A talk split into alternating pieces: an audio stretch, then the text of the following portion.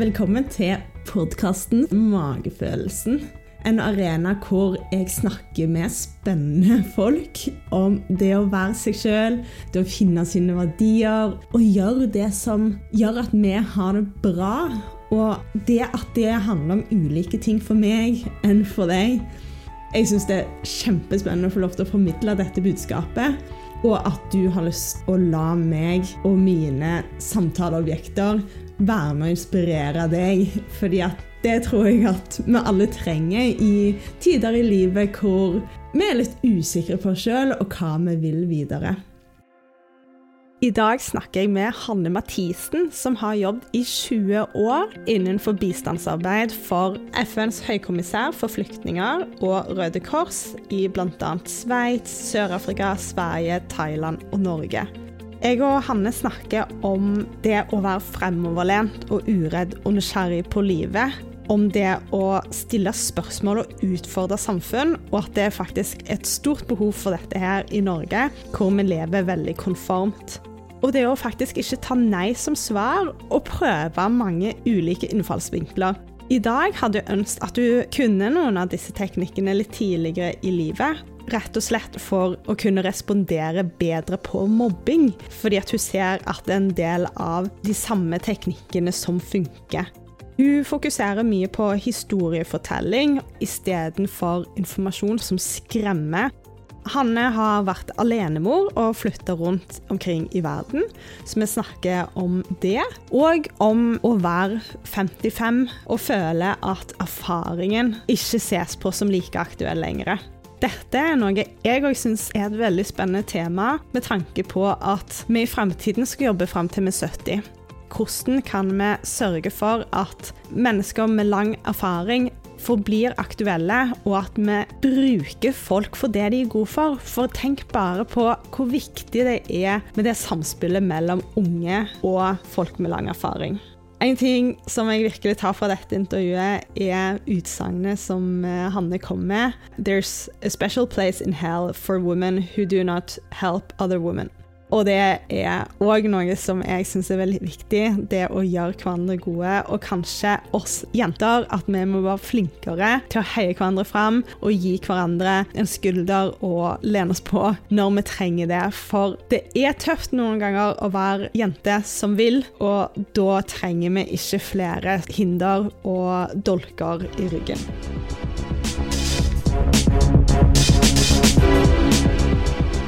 Jeg syns du har gjort veldig mye spennende i løpet av livet og har satsa innen en veldig fin karriere på noe som er veldig meningsfullt. Du kunne nok sikkert snakket en uke om alt det du har gjort, men eh, derfor har jeg lyst til å fokusere kanskje på det du er mest stolt over å ha utretta i livet. Ja, jeg tror kanskje jeg kan ta det tilbake til et helt spesielt øyeblikk. Flyet tar av fra Oslo, vi går gjennom skyene. Og så klyper jeg meg i armen og sier til meg selv Hanne, nå starter et helt nytt liv. Da var jeg på vei til Pretoria i Sør-Afrika for å være juniorekspert. Dvs. Si at eh, Utenriksdepartementet har sendt meg ut til en stilling i FN. Og jeg trodde jeg skulle være ute et år. Hadde med meg én eller to kofferter, men ble ute i 17. Og det at jeg satt der og kløyp meg i armen, det var jo ikke noen selvfølge i det hele tatt. Fordi eh, jeg kom fra et miljø, en, en arbeiderklasseby på Østlandet, der veldig få studerte. Jeg hadde ikke foreldre som var akademikere. Det var aldri spørsmål skal du studere, hva skal du studere. Så jeg er veldig stolt av at jeg har vært framoverlent eh, på egne vegne, og at jeg har tatt den muligheten til sosial mobilitet som faktisk fins i Norge. Jeg tror det er ganske annerledes enn hvordan det er i dag. Da alle studerer, og liksom den eneste veien til suksess og lykke er å studere, så, så var ikke det på samme måten for meg, opplevde jeg. Så det er jeg veldig stolt av. Liksom, og jeg vet ikke hvor det kommer fra, men at jeg fant ut at nei, jeg, jeg ville ut øh, og se verden, og jeg ville gjøre en øh, forskjell. Og så er jeg stolt av bare sånn i parentes, at jeg har klart å kombinere det med å være alenemor, flytte rundt i verden og jobbe for FN. Mm. Når var det du fant ut at det var dette du brenner for? Ja, det har jeg lyst til å snakke litt om. Akkurat dette her begrepet 'brenner for'. For det tror jeg eh, er en litt sånn misforståelse. At vi som jobber i bistandsbransjen, i humanitær bransje, som jeg gjør, er idealister, aktivister, brenner for. Det er jobben vår. Vi er en verktøykasse. Vi får erfaring som vi bygger på. Og jeg, jeg tror kanskje ikke vi er så annerledes enn alle andre. Og det som er interessant også, er at jeg har møtt eh, altså i FN-systemet og i Røde Kors, der jeg jobber nå, folk har veldig forskjellig akademisk bakgrunn. Og jeg tror at folk havner litt der de havner, også av en tilfeldighet. Sånn var det i hvert fall for meg. Jeg leta på loftet hos mamma og pappa, eller rydda. Kom over jobbsøknader som jeg hadde sendt med en gang jeg var nyutdanna. Og de gikk i alle mulige retninger.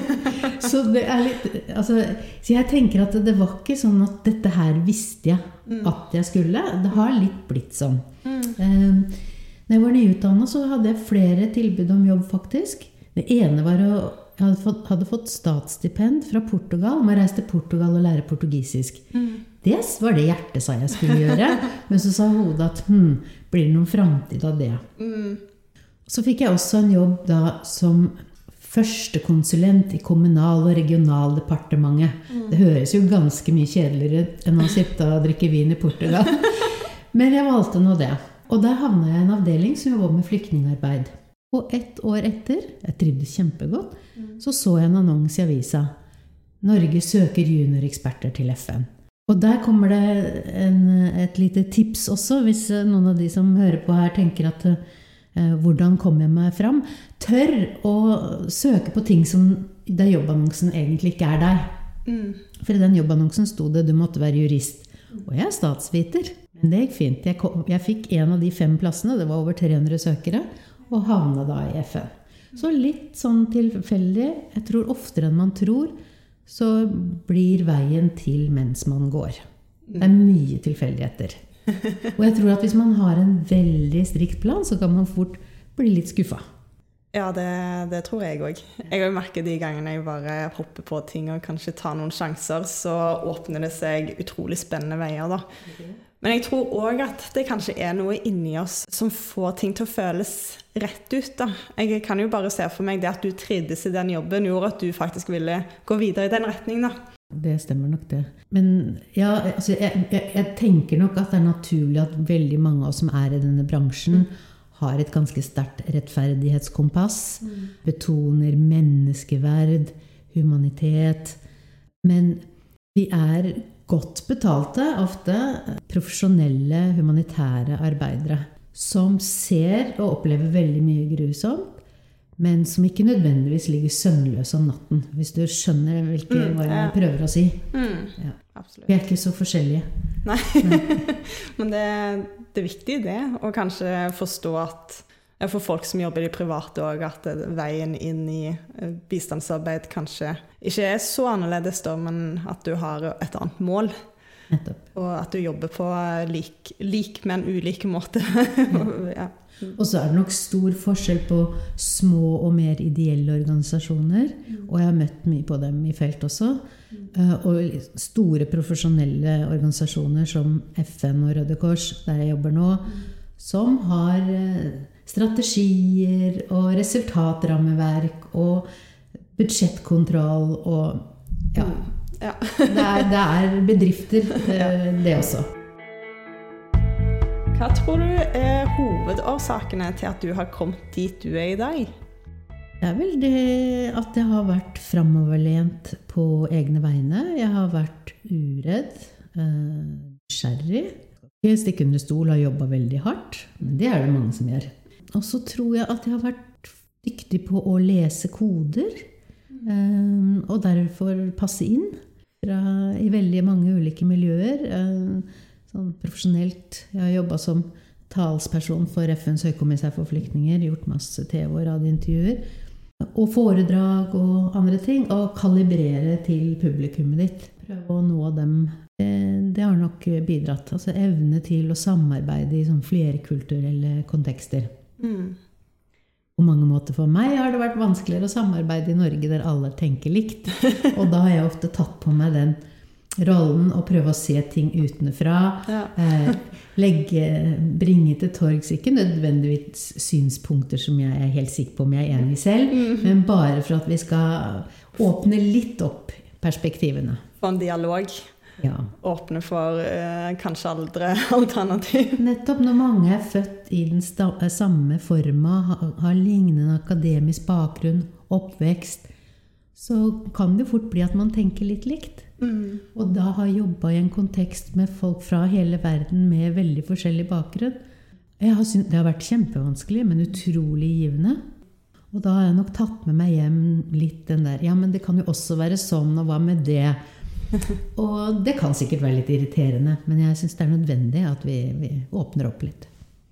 Det er jo en av grunnene til at jeg har valgt de profilene jeg har valgt. At jeg tror de fleste er mennesker som utfordrer sannheter litt. Og det er noe jeg mener vi faktisk trenger i samfunnet, og spesielt med alle de løsningene vi trenger i tiden som kommer, pga. klimakriser, flyktningstrømmer, korona, mental helse. Det, det er så mange ting som egentlig kommer begrunna måten verden er i dag. Og teknologi, hvordan den påvirker, kan brukes på en negativ eller positiv måte. Men òg bare hvordan egentlig verden har endra seg de siste 100 årene, og hvordan det påvirker oss. da. Ja, absolutt. I koronatiden her sitter vi hjemme på mitt hjemmekontor.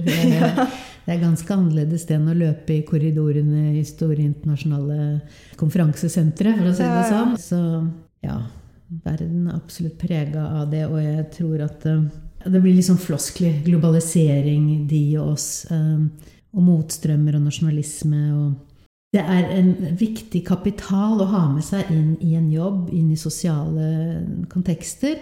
Det å ha levd, opplevd andre måter å se det på. Mm.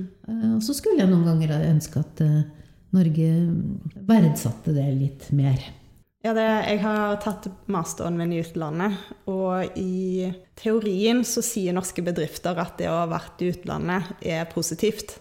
Men eh, jeg opplevde at det var veldig vanskelig å få seg jobb i Norge. Spesielt rett etter masteren. Og da ble jeg tilbudt flere jobber fra konsulenthus i Brussel. Ja. Og det var veldig lett å få seg jobb der. Ja. Eh, Og til og med med to års erfaring fra et konsulenthus i Belgia, så opplevde jeg at det var vanskelig å få seg jobb i Norge.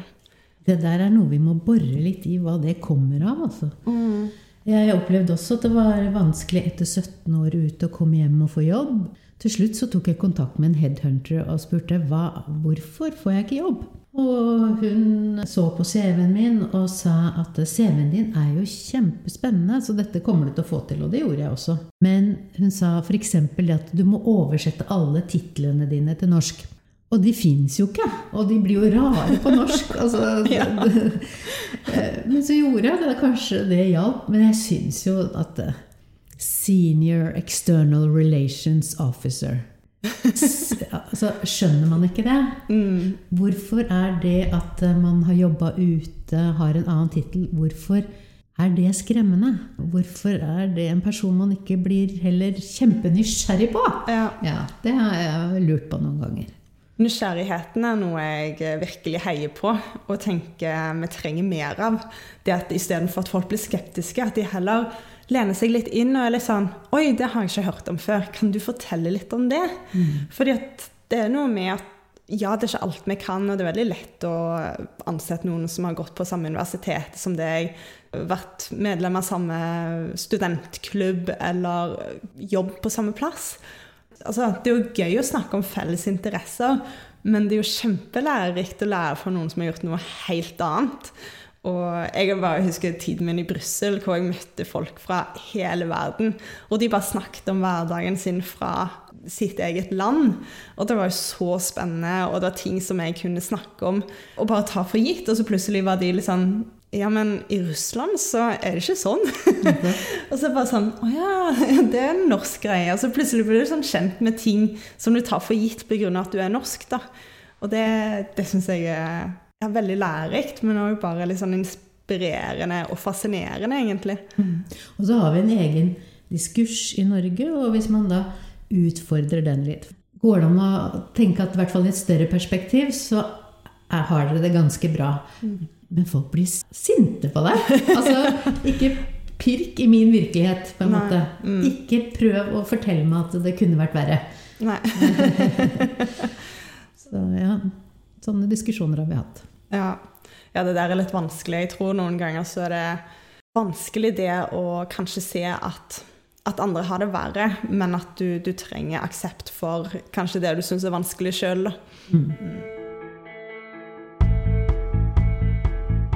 Du sier at eh, verdier ikke nødvendigvis er grunnen til at du har havna i de jobbene du har hatt, men har du noen måter å kjenne litt etter hva som på en måte føles rett ut, og det å følge magefølelsen i både jobbsituasjoner og ta de rette avgjørelser? For jeg kan jo se for meg at du ti- tidvis har hatt veldig motstridende interesser i de jobbene du har eh, vært i. Merkelig nok, og kanskje litt sånn motsigelse til det vi har snakket om tidligere nå, er at det har vel vært mye norske verdier, eller normsett, som jeg har tatt med meg ut. F.eks. likestilling på 90-tallet, 2000-tallet i FN. Det var ikke kjempelikestilt, så utfordre det. Jeg ble vitne til situasjoner som for meg i hvert fall kunne se ut som korrupsjon, og utfordre det.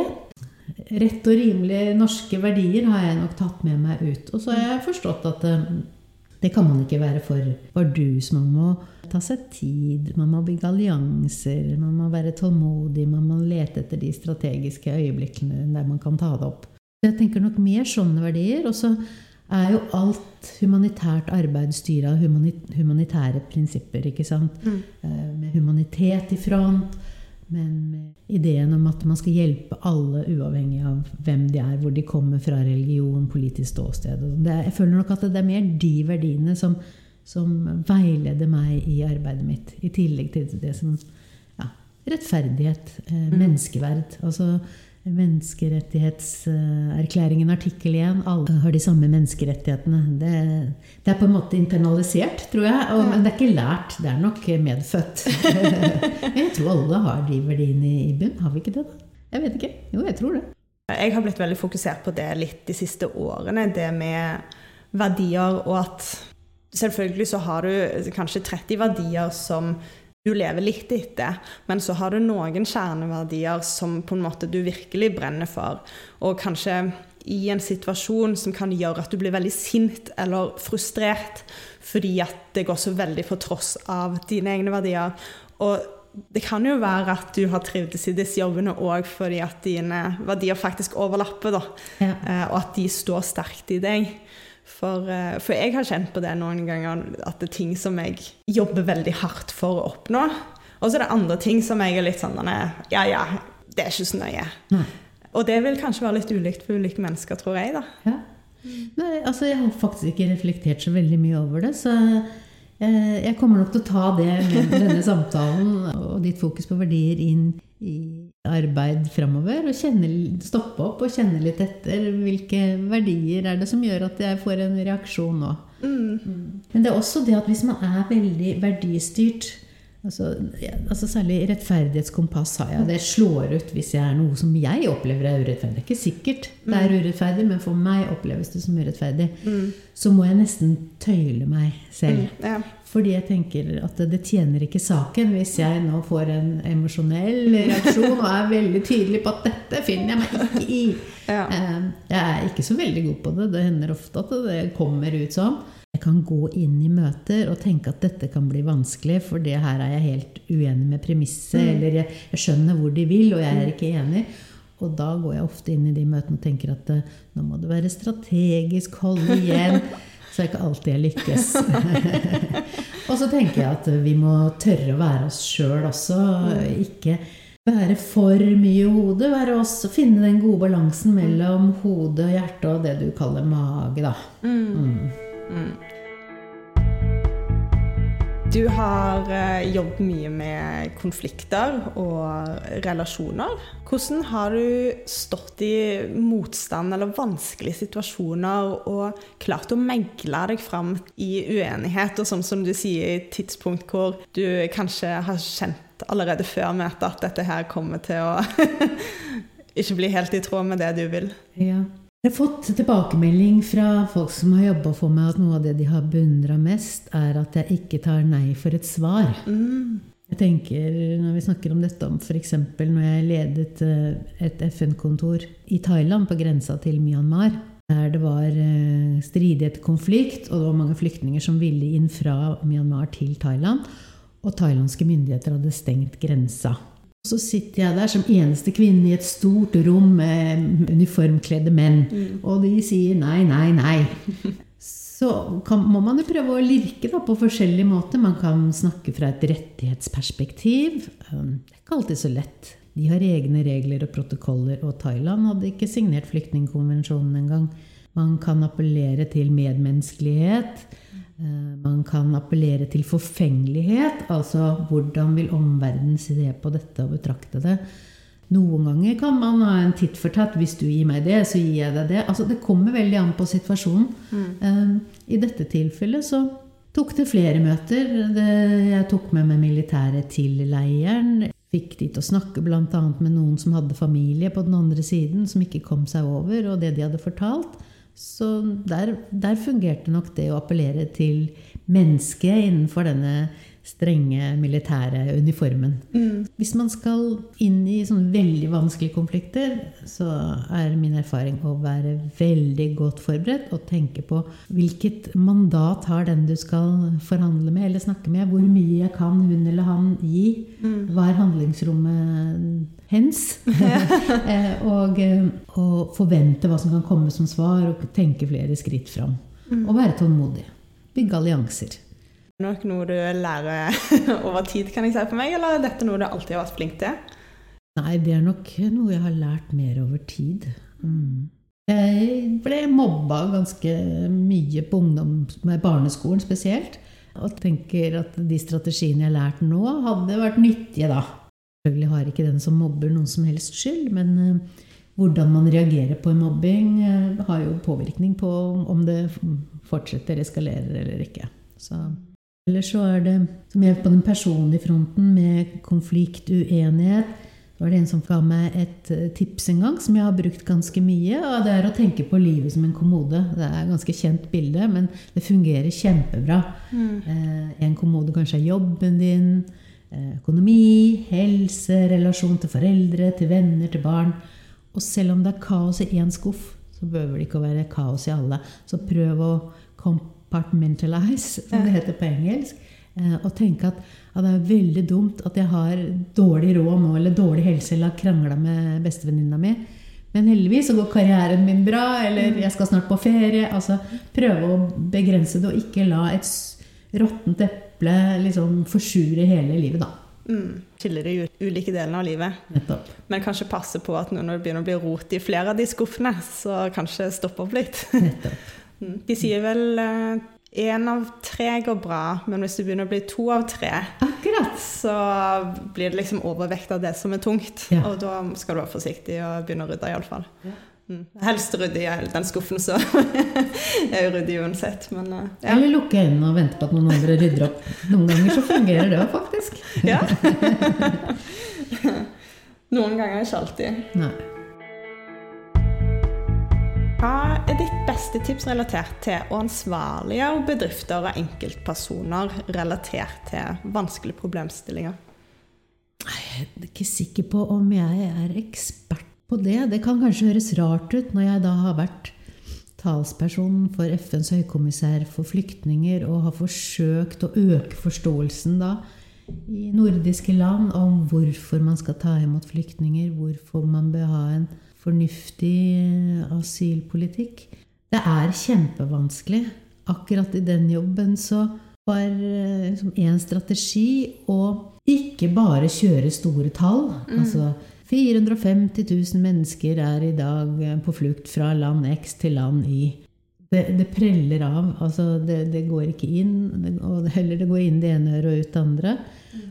Så å veksle mellom de personlige historiene, historiefortelling, til de store, mer globale perspektivene, trendene Jeg har vel kanskje lært av den beste. altså På den tiden så var Antonio Guterres høykommissær for flyktninger. Han er jo nå FNs generalsekretær. Mm.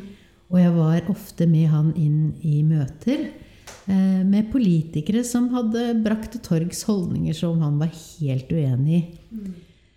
Og han var bare helt eh, rå eh, til å skape en stemning, men å ikke kompromisse. Han, han sa det han skulle si, det som sto i talepunktene hans, som vi hadde skrevet, og kanskje med enda litt mer gass. Men allikevel å klare å, å gjøre det på en måte som gjorde at det var smil og handshake på vei ut. Mm.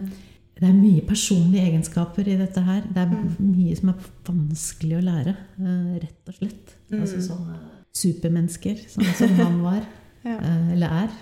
Skape win-win, kanskje.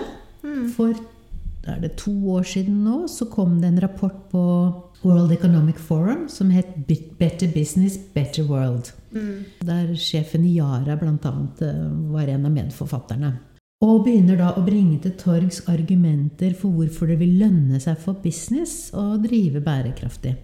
Så jeg tror at det, det må vinkles sånn. F.eks. argumentet da at hvis du gir helse, helsehjelp, kanskje gratis helsehjelp, så får du eh, sunnere arbeidere. Mindre sykefravær. Man må lede til et sted der man har felles målsetninger. Mm. Det er sjelden folk gjør store endringer bare ut av the goodness of their heart. Ja, jeg har jo studert økonomi, Ja. eh, og eh, med fokus på bærekraftige avgjørelser. Ja. Og hvordan å få inn det i, i næringslivet. Ja, de fokuserte veldig mye på der, det var jo nettopp det å se på faktisk hvordan dette her er lønnsomt. Og det handler jo i stor grad om omdømme. At faktisk hvis du velger bærekraftige løsninger, så kan det være faktisk lønnsomt å produsere fordi at du tenker på en helt annen måte. Og plutselig så bruker du mindre ressurser og ja, færre personer blir skada, du får færre søksmål. Eh, de ansatte blir kanskje lenger i bedriften fordi at de trives, og det er veldig dyrt å ansette og miste omdømmet. Ja, det er mye som folk ikke tenker på, men da må du selvfølgelig klare å tenke langsiktig. Og det, ja, det er veldig spennende. Og der har det skjedd en stor endring i de åra jeg har jobbet med partnerskap da, mellom det humanitære, eller bistandsbransjen om du vil, og det private næringsliv. I tidligere år så var det jo store pengegaver. Nå er det jo mer genuine partnerskap. Jeg sitter i styret i en ganske liten organisasjon som heter Ingeniører uten grenser.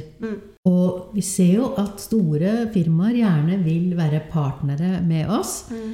Fordi bl.a. det partnerskapet tilbyr, er at deres ansatte kan i en periode, to uker, tre måneder, lånes ut for å være med å løse ingeniøroppgaver eh, i, i felt. Det kan være renovasjon, solenergi, sånne ting. Og det å, for en bedrift å kunne tilby det og vise at de er en bedrift da, som ser utenfor seg selv, tror jeg tiltrekker seg folk og motiverer de ansatte. Så det er et helt nytt paradigme eller som har gradvis utviklet seg over tid. Og det er veldig spennende. Jeg tenkte vi kan snakke litt om avgjørelser. Ja. Har du lyst til å fortelle litt om avgjørelser som du har syntes har vært vanskelig å ta i løpet av livet? Mm. Jeg syns jo det var veldig vanskelig å bestemme at jeg ikke lenger skulle jobbe for FN og flytte hjem til Norge etter å ha vært 17 år ute. For det var et utrolig dynamisk, spennende liv. Utrolig spennende kollegaer. Veldig meningsfylt arbeid. God økonomi. Se verden. Og komme hjem igjen. Eh, Så det var en veldig vanskelig avgjørelse å ta. Men jeg hadde en datter som tolv år omtrent. Og så jo på kollegaer som levde dette internasjonale livet, at barna deres enten ble kjempeverdensvante og språkmektige og fulle av selvtillit, eide verden, og mange som var rotløse og ganske sinte på foreldrene sine. Depresjoner og ja, selvmord. Og det er ikke så lett å lese en tolvåring. Kommer du å ha godt av dette eller vondt av dette? Så jeg har hatt en veldig god barndom. Har stor glede i livet mitt av disse barndoms- og ungdoms- og studievenninnene mine. Så jeg tenkte at hun skulle få lov å ha et sted å kalle hjem. Og for egen del også så begynte jeg å nærme meg 50 og tenkte at hm, hvis jeg er 55 og flytter rundt i verden Eh, at det ikke lenger er for meg, at det er for slitsomt. Er det noen som vil ha meg på det norske arbeidsmarkedet da? Så da bestemte jeg meg for at nei, nå drar jeg nødbremsen. Jeg hadde akkurat fått en jobb i Bangladesh. Mm. Datteren min hadde kommet inn på skolen, vi hadde leid leilighet. Jeg hadde tapt forhandlingen om at vi skulle ha katt. Altså, Vi var ganske på vei dit. Og så fikk jeg da et tilbud om å bli fagsjef i Norges Røde Kors og kom hjem. Så det var en veldig vanskelig avgjørelse. Også økonomisk. Jeg halverte lønna mi. Jeg går glipp av en veldig bra eh, FN-pensjon, for det lønner seg å stå lenge. 17 år er ikke nok. Så det var en veldig, veldig vanskelig avgjørelse. Det var det. Men kanskje også den viktigste for datteren min eh, og hennes liv. Og man, får man barn, så må man tenke eh, flere, på flere enn seg selv. Mm. Ja. Når du sier vanskeligste, er det òg den dårligste, eller har du noen dårlige avgjørelser du har tatt? Å, jeg har tatt mange dårlige avgjørelser, eh, men de fortrenger jeg, så de kommer jeg ikke på. Nei. Jeg tror nok det kanskje var en dårlig avgjørelse for meg å komme hjem sånn karrieremessig. Mm. Jeg opplever, som mange kvinner på min alder, nå er jeg 54, at det ikke er så lett å bytte jobb. I hvert fall oppover, men også egentlig bortover. Mm. Altså, det snakkes om at vi skal stå i jobb til vi kanskje er 70. Men hvis det er slik at eh, vi ikke lenger får de jobbene som vi egentlig er kvalifisert til og har erfaring allerede fra vi liksom bikker 50, så kan hver og en bedrift ta den avgjørelsen. At jeg vil heller ha den energiske 32-åringen som vi vil satse på. Men på samfunnsnivå så er det da veldig mye kompetanse og erfaring som man underforbruker, hvis man kan si det sånn. Mm. Eh, så det tenker jeg må bli en litt sånn ny kampsak. Jeg tror det rammer både kvinner og menn. Eh, jeg har ikke lest noen studier. Kanskje rammer det kvinner mer. Ja, det rammer pappa, faktisk. Ja. Mot slutten av arbeidslivet. At ja. han òg kjente på den. Mm. Så eh, det må vi gjøre litt opprør mot, rett og slett. Mm. Det er sånn at man tenker at folk som bikker 50, har vanskeligere for å stå i omstilling, være mm. pådrivere for å akseptere omstilling. Teknologisk utvikling, digitalisering henger vi med. Mm. Men det snakkes så fagert om at man skal ha sammensatte team. Mm. Og det må jo gå forbi kjønn og etnisk bakgrunn og mm. akademisk bakgrunn. Der må det også aldersperspektiv inn. Så jeg skulle ønske at erfaring Selvfølgelig kjempeego av meg å si det, fordi at jeg sitter der jeg sitter. Mm. Men at erfaring står høyere på ønskelista, rett og slett. Jeg syns jo det. Jeg er jo ung, ja. og fremdeles jeg har jo jobbet i seks år, men fremdeles ganske tidlig i karrieren. Og har en mentor. Jeg vet faktisk ikke helt hvor gammel han er, men sikkert rundt 50. men eh, jeg syns jo det er innmari spennende med den kompetansen han har. Fordi at han Han, var jo, han jobber innenfor bærekraft mm. og mm. har jo kommet veldig langt. Han var blant de første som jobbet med bærekraft i Norge, og har erfart hvordan avgjørelser de tok for 20 år siden som de trodde var bærekraftige, plutselig ikke var det. Som plutselig hadde konsekvenser. Og alle de erfaringene han har, og den historien er så spennende. Samtidig som han sier det, at det er interessant for han å snakke med meg. Fordi at jeg kommer fra en helt annen generasjon, har andre erfaringer. Så den dynamikken og det å lære av hverandre, det er så utrolig viktig. For at vi kan ikke miste all den kompetansen som dere har, som vi er nødt til å ta med oss videre. Og jeg tror òg hvis vi plutselig ikke kanskje skaper den de dialogen mellom generasjoner, så plutselig står vår generasjon og har tapt det. Nettopp. Ja. Jeg mener oppriktig det. Og omorganisering skjer nå kontinuerlig. Og det er der ofte da blir tenkt at vi som er over 50, vi er litt motstandere av det. Men igjen det som å, å, bringe inn andre perspektiver og være litt djevelens advokat, hvis du vil. Når du er på min alder, så har man vært gjennom ganske mange omorganiseringer i ulike organisasjoner.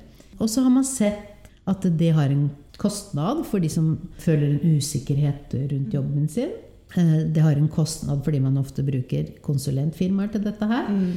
Produktiviteten har jeg opplevd har gått ned eh, som konsekvens av dette. Og så er det ikke bestandig sånn at det fins en silver bullet, at vi tegner om det organisasjonskartet, endrer noen titler, legger ned noen avdelinger, slår noen sammen. Det er ikke bestandig at der problemet ligger. Det kan være en ledelseskultur. Det kan være at man eh, har et produkt eller et mål som ikke er i tiden. Og da kunne si det at eh, jeg er ikke sikker på om at jeg syns det er riktig at vi skal ha en omorganisering, i hvert fall ikke av denne typen. Ser igjen og igjen at det investeres i omorganisering. Og når nytt kart, organisasjonskart er på plass, så you drop the ball. Da er man på en måte ferdig, men det er egentlig der det skal begynne. Mm. Ukultur som sitter i veggene, er kanskje ikke helt luftet ut allikevel. Mm. Så ja. Kanskje man er litt mindre nysgjerrig på endringer, men jeg tror det kan være smart da, å ha noen stemmer inn i team som sier Men er vi sikre på at det er omstilling vi trenger for å bli mm. mer effektive? Mm. Og det der er jeg så innmari enig i, for jeg har sett Blant annet, jeg har jobbet litt med IT-systemer. Og da er det internt i en bedrift, så funker ikke IT-systemet bra, så da bytter du det ut. Ja. Men problemet er jo kompetansen. Folk har aldri fått opplæring. Og så plutselig sant, så har det gått ti år. Det har ikke blitt brukt optimalt. Det er ingen som har satt seg inn i hvordan systemet skal brukes. Og så er det sånn, vi er nødt til å bytte det ut. Så bytte ut til et nytt system. Men da blir det enda verre. fordi at du får jo iallfall ikke opplæring i det nye systemet. fordi at da har du brukt masse penger på denne omstillingen. Så det, å, ja, det å liksom sørge for god kommunikasjon på tvers av avdelinger, at folk har den kompetansen de skal at systemet brukes sånn som de skal, og bare eh, skape en sånn flow internt. da. Nettopp. Mm. Så det kan være upopulære synspunkter å ta, men jeg tror allikevel viktig at man må tørre som sjef å lytte og ta på alvor også sånne røster. Mm. Så det, jeg skulle nok ønske meg at erfaring var mer sexy. Og at man var åpen for litt større perspektiver. Um, det jeg følte mest på ganske med en gang jeg kom hjem, var at Norge er i periferien av sentrum. Mens når jeg bodde i en jungelby i Thailand, mm. så var jeg i sentrum av periferien. Sa jeg det riktig nå, eller ble det feil? Mm. Det er bra at vi har selvtillit og er stolt av oss selv, men så forstår de at vi er ett land av mange, og at våre løsninger ikke nødvendigvis passer for alle, eller nødvendigvis heller alltid er best. Mm. Det å tørre å utfordre og tenke litt annerledes. Kanskje hente fra andre land. Du har jo også studert og jobba ute, som du sier, og kanskje også følt på det at når man da kommer hjem, mm. eh, så har I hvert fall har jeg følt på det litt sånn to valg. Enten så må jeg ha én fot i hver leir, mm. eh, eller så må jeg krype inn i det jeg kaller litt den norske bobla. Mm. Eh, og bli helnorsk og taco og gulrøtta og sånn. For ellers så blir det for slitsomt, på en mm. måte. Jeg skal ærlig innrømme at de fleste nære vennene mine i Oslo har bodd i utlandet. Ja. De har litt slik bakgrunn som meg, og til og med min egen familie og det vet de òg, syns jeg det var vanskelig når jeg kom hjem, fordi at jeg utfordra. Og jeg har faktisk blitt fortalt at jeg må passe på, sånn at jeg ikke blir oppfatta som altfor rar. Ja. Mm, av min egen familie. Ja. Og det selvfølgelig føles litt vondt når du kanskje tenker at jeg er egentlig ikke rar, det er bare den at jeg har fått noen andre perspektiv. Ja. Og så skal det jo sies at jeg brenner for veldig mange områder som er veldig forskning som utfordrer sannheter. Det er forskning som jeg syns er veldig spennende. Jeg, var, jeg, studerte bærekraft for syv år siden. Da var det veldig nytt. Og på det tidspunktet så var det veldig mange som syntes det var veldig slitsomt. Ja. Så det er en del sånne ting som jeg kanskje har tatt opp. Du drev og pirka i dem og ga dem dårlig samvittighet? Eller resonnerte ikke med dem, helt enkelt? Nei, eh, så jeg tror det er en del ting som jeg tenkte var framtiden, men hvor folk tenker at dette her er bare en veldig irriterende kvise. Kan vi ikke bare bli kvitt den? Og at jeg har brakt fram sånne type ting. Da, at eh, ja, altså, kanskje jeg har hørt litt sånn bekymring for uh, Du skal ikke bare være normal, liksom. Kan, du skal ikke bare liksom droppe alt de greiene der og bare flyte litt. Jeg styres veldig av den rettferdighetssansen, ansvar, det å ønske å ta tak i ting som jeg ser vi kan ta tak i. da. Og det var ikke godt nok for meg. mm.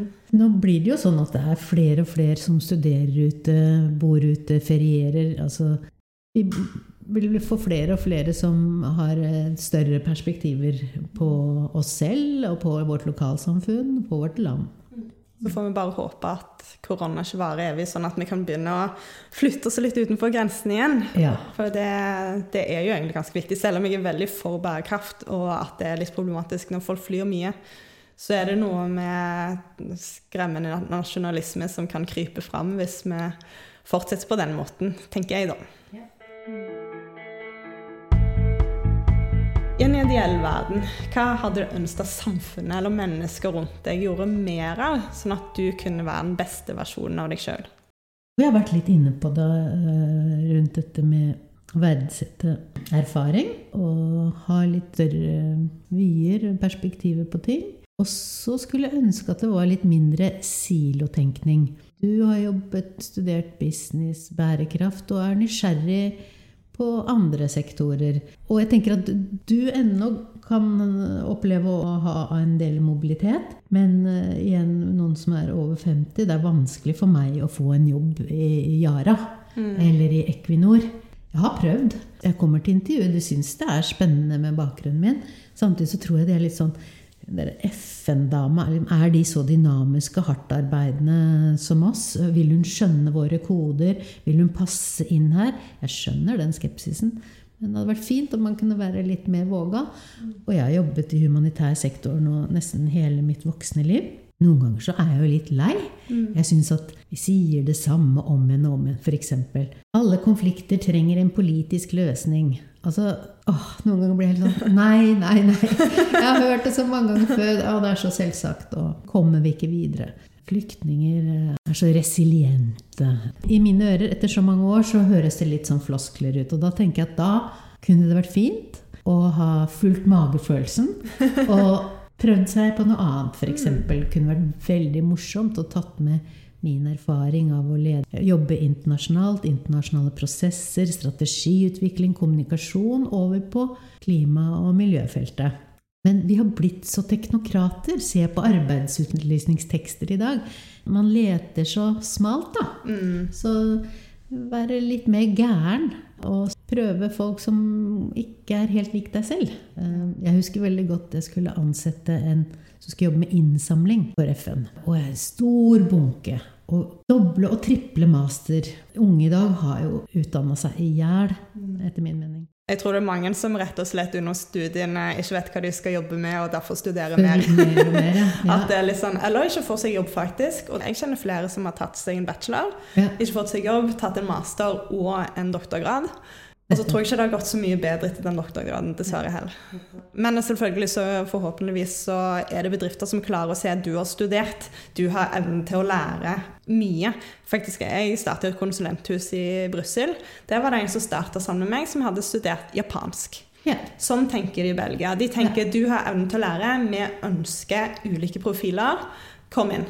Ja. Så lenge du er gira på å gjøre dette, liksom. Fordi det var jo kanskje spørsmålet bare sånn, Du har jo studert japansk, vil du være konsulent, liksom? Men, eh, men det syns jeg er utrolig bra, at de ser hvordan ulike profiler trengs for å skape et godt miljø da, som kanskje utfordrer hverandre. Og kanskje, han stilte jo sikkert helt andre spørsmål enn oss, som hadde studert økonomi og bærekraft. Og, det sier jeg i hvert fall til uh, unge jeg jobber en del som mentor, helt sånn uformelt. Yngre damer på jobben de kommer og sier til meg du, jeg har sett den jobben, syns jeg skal søke. Og så prøver å få de til å tenke selv på for og mot, og er ofte referanse. For særlig unge kvinner som har jobba for meg. Da. Og da, du vet uh, Madeleine Albright, uh, USAs uh, tidligere utenriksminister og FN-ambassadør, sa jo at 'there is a special place in hell for women who don't help other women. Og det har vært litt sånn mantra for meg. Mm. Men uh, da ser jeg i de prosessene jeg ser selv med yngre mennesker i dag, som søker seg nye jobber, at uh, det er ikke den triple masteren som, som, gjør at du får jobb, men også andre ting på CV-en. Frivillig arbeid, politisk engasjement osv. Eller noe helt aparte, som jeg begynte å si. Så denne innsamleren i den store bunken, han hadde jobba med en omreisende teatertropp i mm. Irland. Og da så jeg for meg sånne sigøynervogner. Han ble jeg kjempenysgjerrig på. Ja. Han fikk jobben, og han var knallgod. Ja, så gøy. Fordi å skulle fortelle om en organisasjon og hvorfor man bør støtte den, det er et element av teater der. Mm. Så det er mange veier til Rom, eh, eller burde i hvert fall være det. Jeg støtter veldig det. Og jeg, eh, jeg tror arbeidsplasser har behov for folk med ulik bakgrunn. Og jeg bare tror at det gjør det mer fargerikt og kreativt og skaper bedre løsninger. Jeg støtter veldig det å skulle bytte beite, og det kan jeg forstå etter så mange år òg. Det med ja, at det blir mye av det samme. Og selv om du fremdeles bryr deg om det, så kan det være personlig deilig å kanskje gjøre noe nytt som utfordrer og blir lærerikt. Og det er jo òg veldig viktig, det å ja, fremdeles bli utfordra. Og det, det, kan jo være når du har jobba i FN i så mange år, at å komme til Norge, så er det kanskje ikke så mange utfordringer på samme måte. Jeg vet ikke. Nei, altså Jeg er jo veldig stolt av altså, at jeg har nyttiggjort meg den sosiale mobiliteten. Mm. Men jeg har ikke vært like god på profesjonell mobilitet. Jeg har holdt meg innenfor én bransje. Og ofte også med samme arbeidsgiver. Jeg jobbet jo samme FN-organisasjon i 17 år. Der opp, opplever jeg vel nå at uh, lojalitet uh, ikke har like høy status som det har hatt. Man skal bytte beite. Det syns jeg er kjempefint. Og det hadde nok hjulpet meg i en profesjonell mobilitet i dag hvis jeg hadde flytta på meg oftere enn det jeg har gjort. Det er ikke så lett å forklare at selv om jeg har jobbet i FN og i samme organisasjon, så har jeg gjort veldig mange forskjellige ting og jobbet på, veldig, på ulike steder. Mm. På hovedkontor i Genéve og bushen i Thailand eller i, i Sør-Afrika eller Sør-Afrika. Veldig forskjellige oppgaver og geografi. Men nå skal det være færre fast ansatte. Det er store endringer, og det tenker jeg både kan skape ganske mye usikkerhet, men også være liberating, frigjørende. Mm. Så jeg håper virkelig at den dynamikken, den åpenheten, også eh, gjelder på tvers av siloer, for tvers av bransjer, sektorer. Det blir et mye mer spennende arbeidsliv, eh, syns jeg. Mm. Vi begynner å gå mot slutten, og det jeg ønsker å høre med deg om da det er for Jeg syns du er veldig inspirerende og har gjort veldig mye spennende som er litt annerledes enn det kanskje folk flest velger. Bare det at du sa det at på din skole så var du blant få som faktisk valgte å studere, viser jo til at du tidlig gjorde din egen greie og fant ut litt for deg sjøl hva du ville gjøre, og ikke bare fulgte mengden. Hvis du kunne vært en inspirator for deg sjøl på et tidspunkt i livet, slash òg for lytterne våre, som Mm. kunne trengt sikkert gode tips fra ei som deg, hva ville du tipsa de om da? Jeg ville vært mer mobil yrkesmessig. Jeg har jobba i Dagbladet i mange år. Jeg har jobba med forskning. Jeg har eh, lektorkompetanse, så det er ikke sånn at jeg liksom bare har gjort én ting og, og, og, og kjørt på den. Men jeg ville nok eh, kanskje prøvd å meg på forskjellige ting i forskjellige bransjer litt tidligere. Før det på en måte var litt for seint, sånn som det oppleves nå. Så ville jeg fått barn tidligere, og det sier jeg til unge damer. Den perfekte tidspunkt og den perfekte mann eller Altså, livet er så omskiftelig. Jeg har jo da vært alenemor og reist rundt i verden, og det har gått veldig fint. Men jeg har jo sett eh, yngre mødre med én unge i vogna og én under armen og tre kofferter på flyplassen som har vært ti år yngre enn meg. Og så man er mindre redd, og man har mer energi. Så hvis du vet du skal barn, bare få det eller de barna. Det er litt sånn. Så det hadde jeg vel sagt til meg selv også. Ja. Og så hadde jeg kanskje søkt meg til topplederstilling tidligere. Jeg tenker kanskje ofte at det er så utrolig vanskelig, og er jeg god nok til det?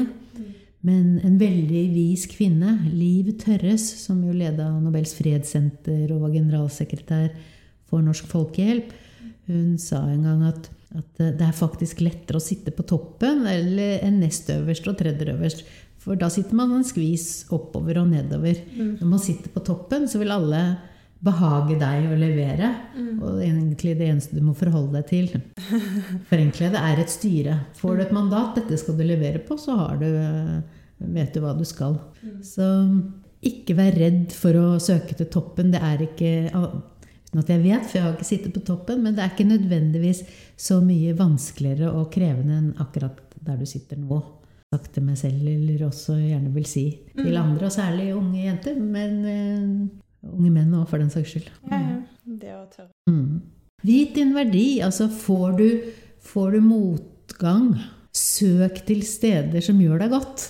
Ja. Eh, har du hatt en arbeidsplass eller en arbeidssituasjon som har vært god, med gode kollegaer, eh, inviter de ut på eh, et glass vin, ta en telefon, ta en helgetur sammen. Kjenn på noe av den gode følelsen. Eh, Kjenn på den kjærligheten og respekten du får, så kommer du hjem og føler deg mye bedre og har klart å gå på jobben igjen på mandag.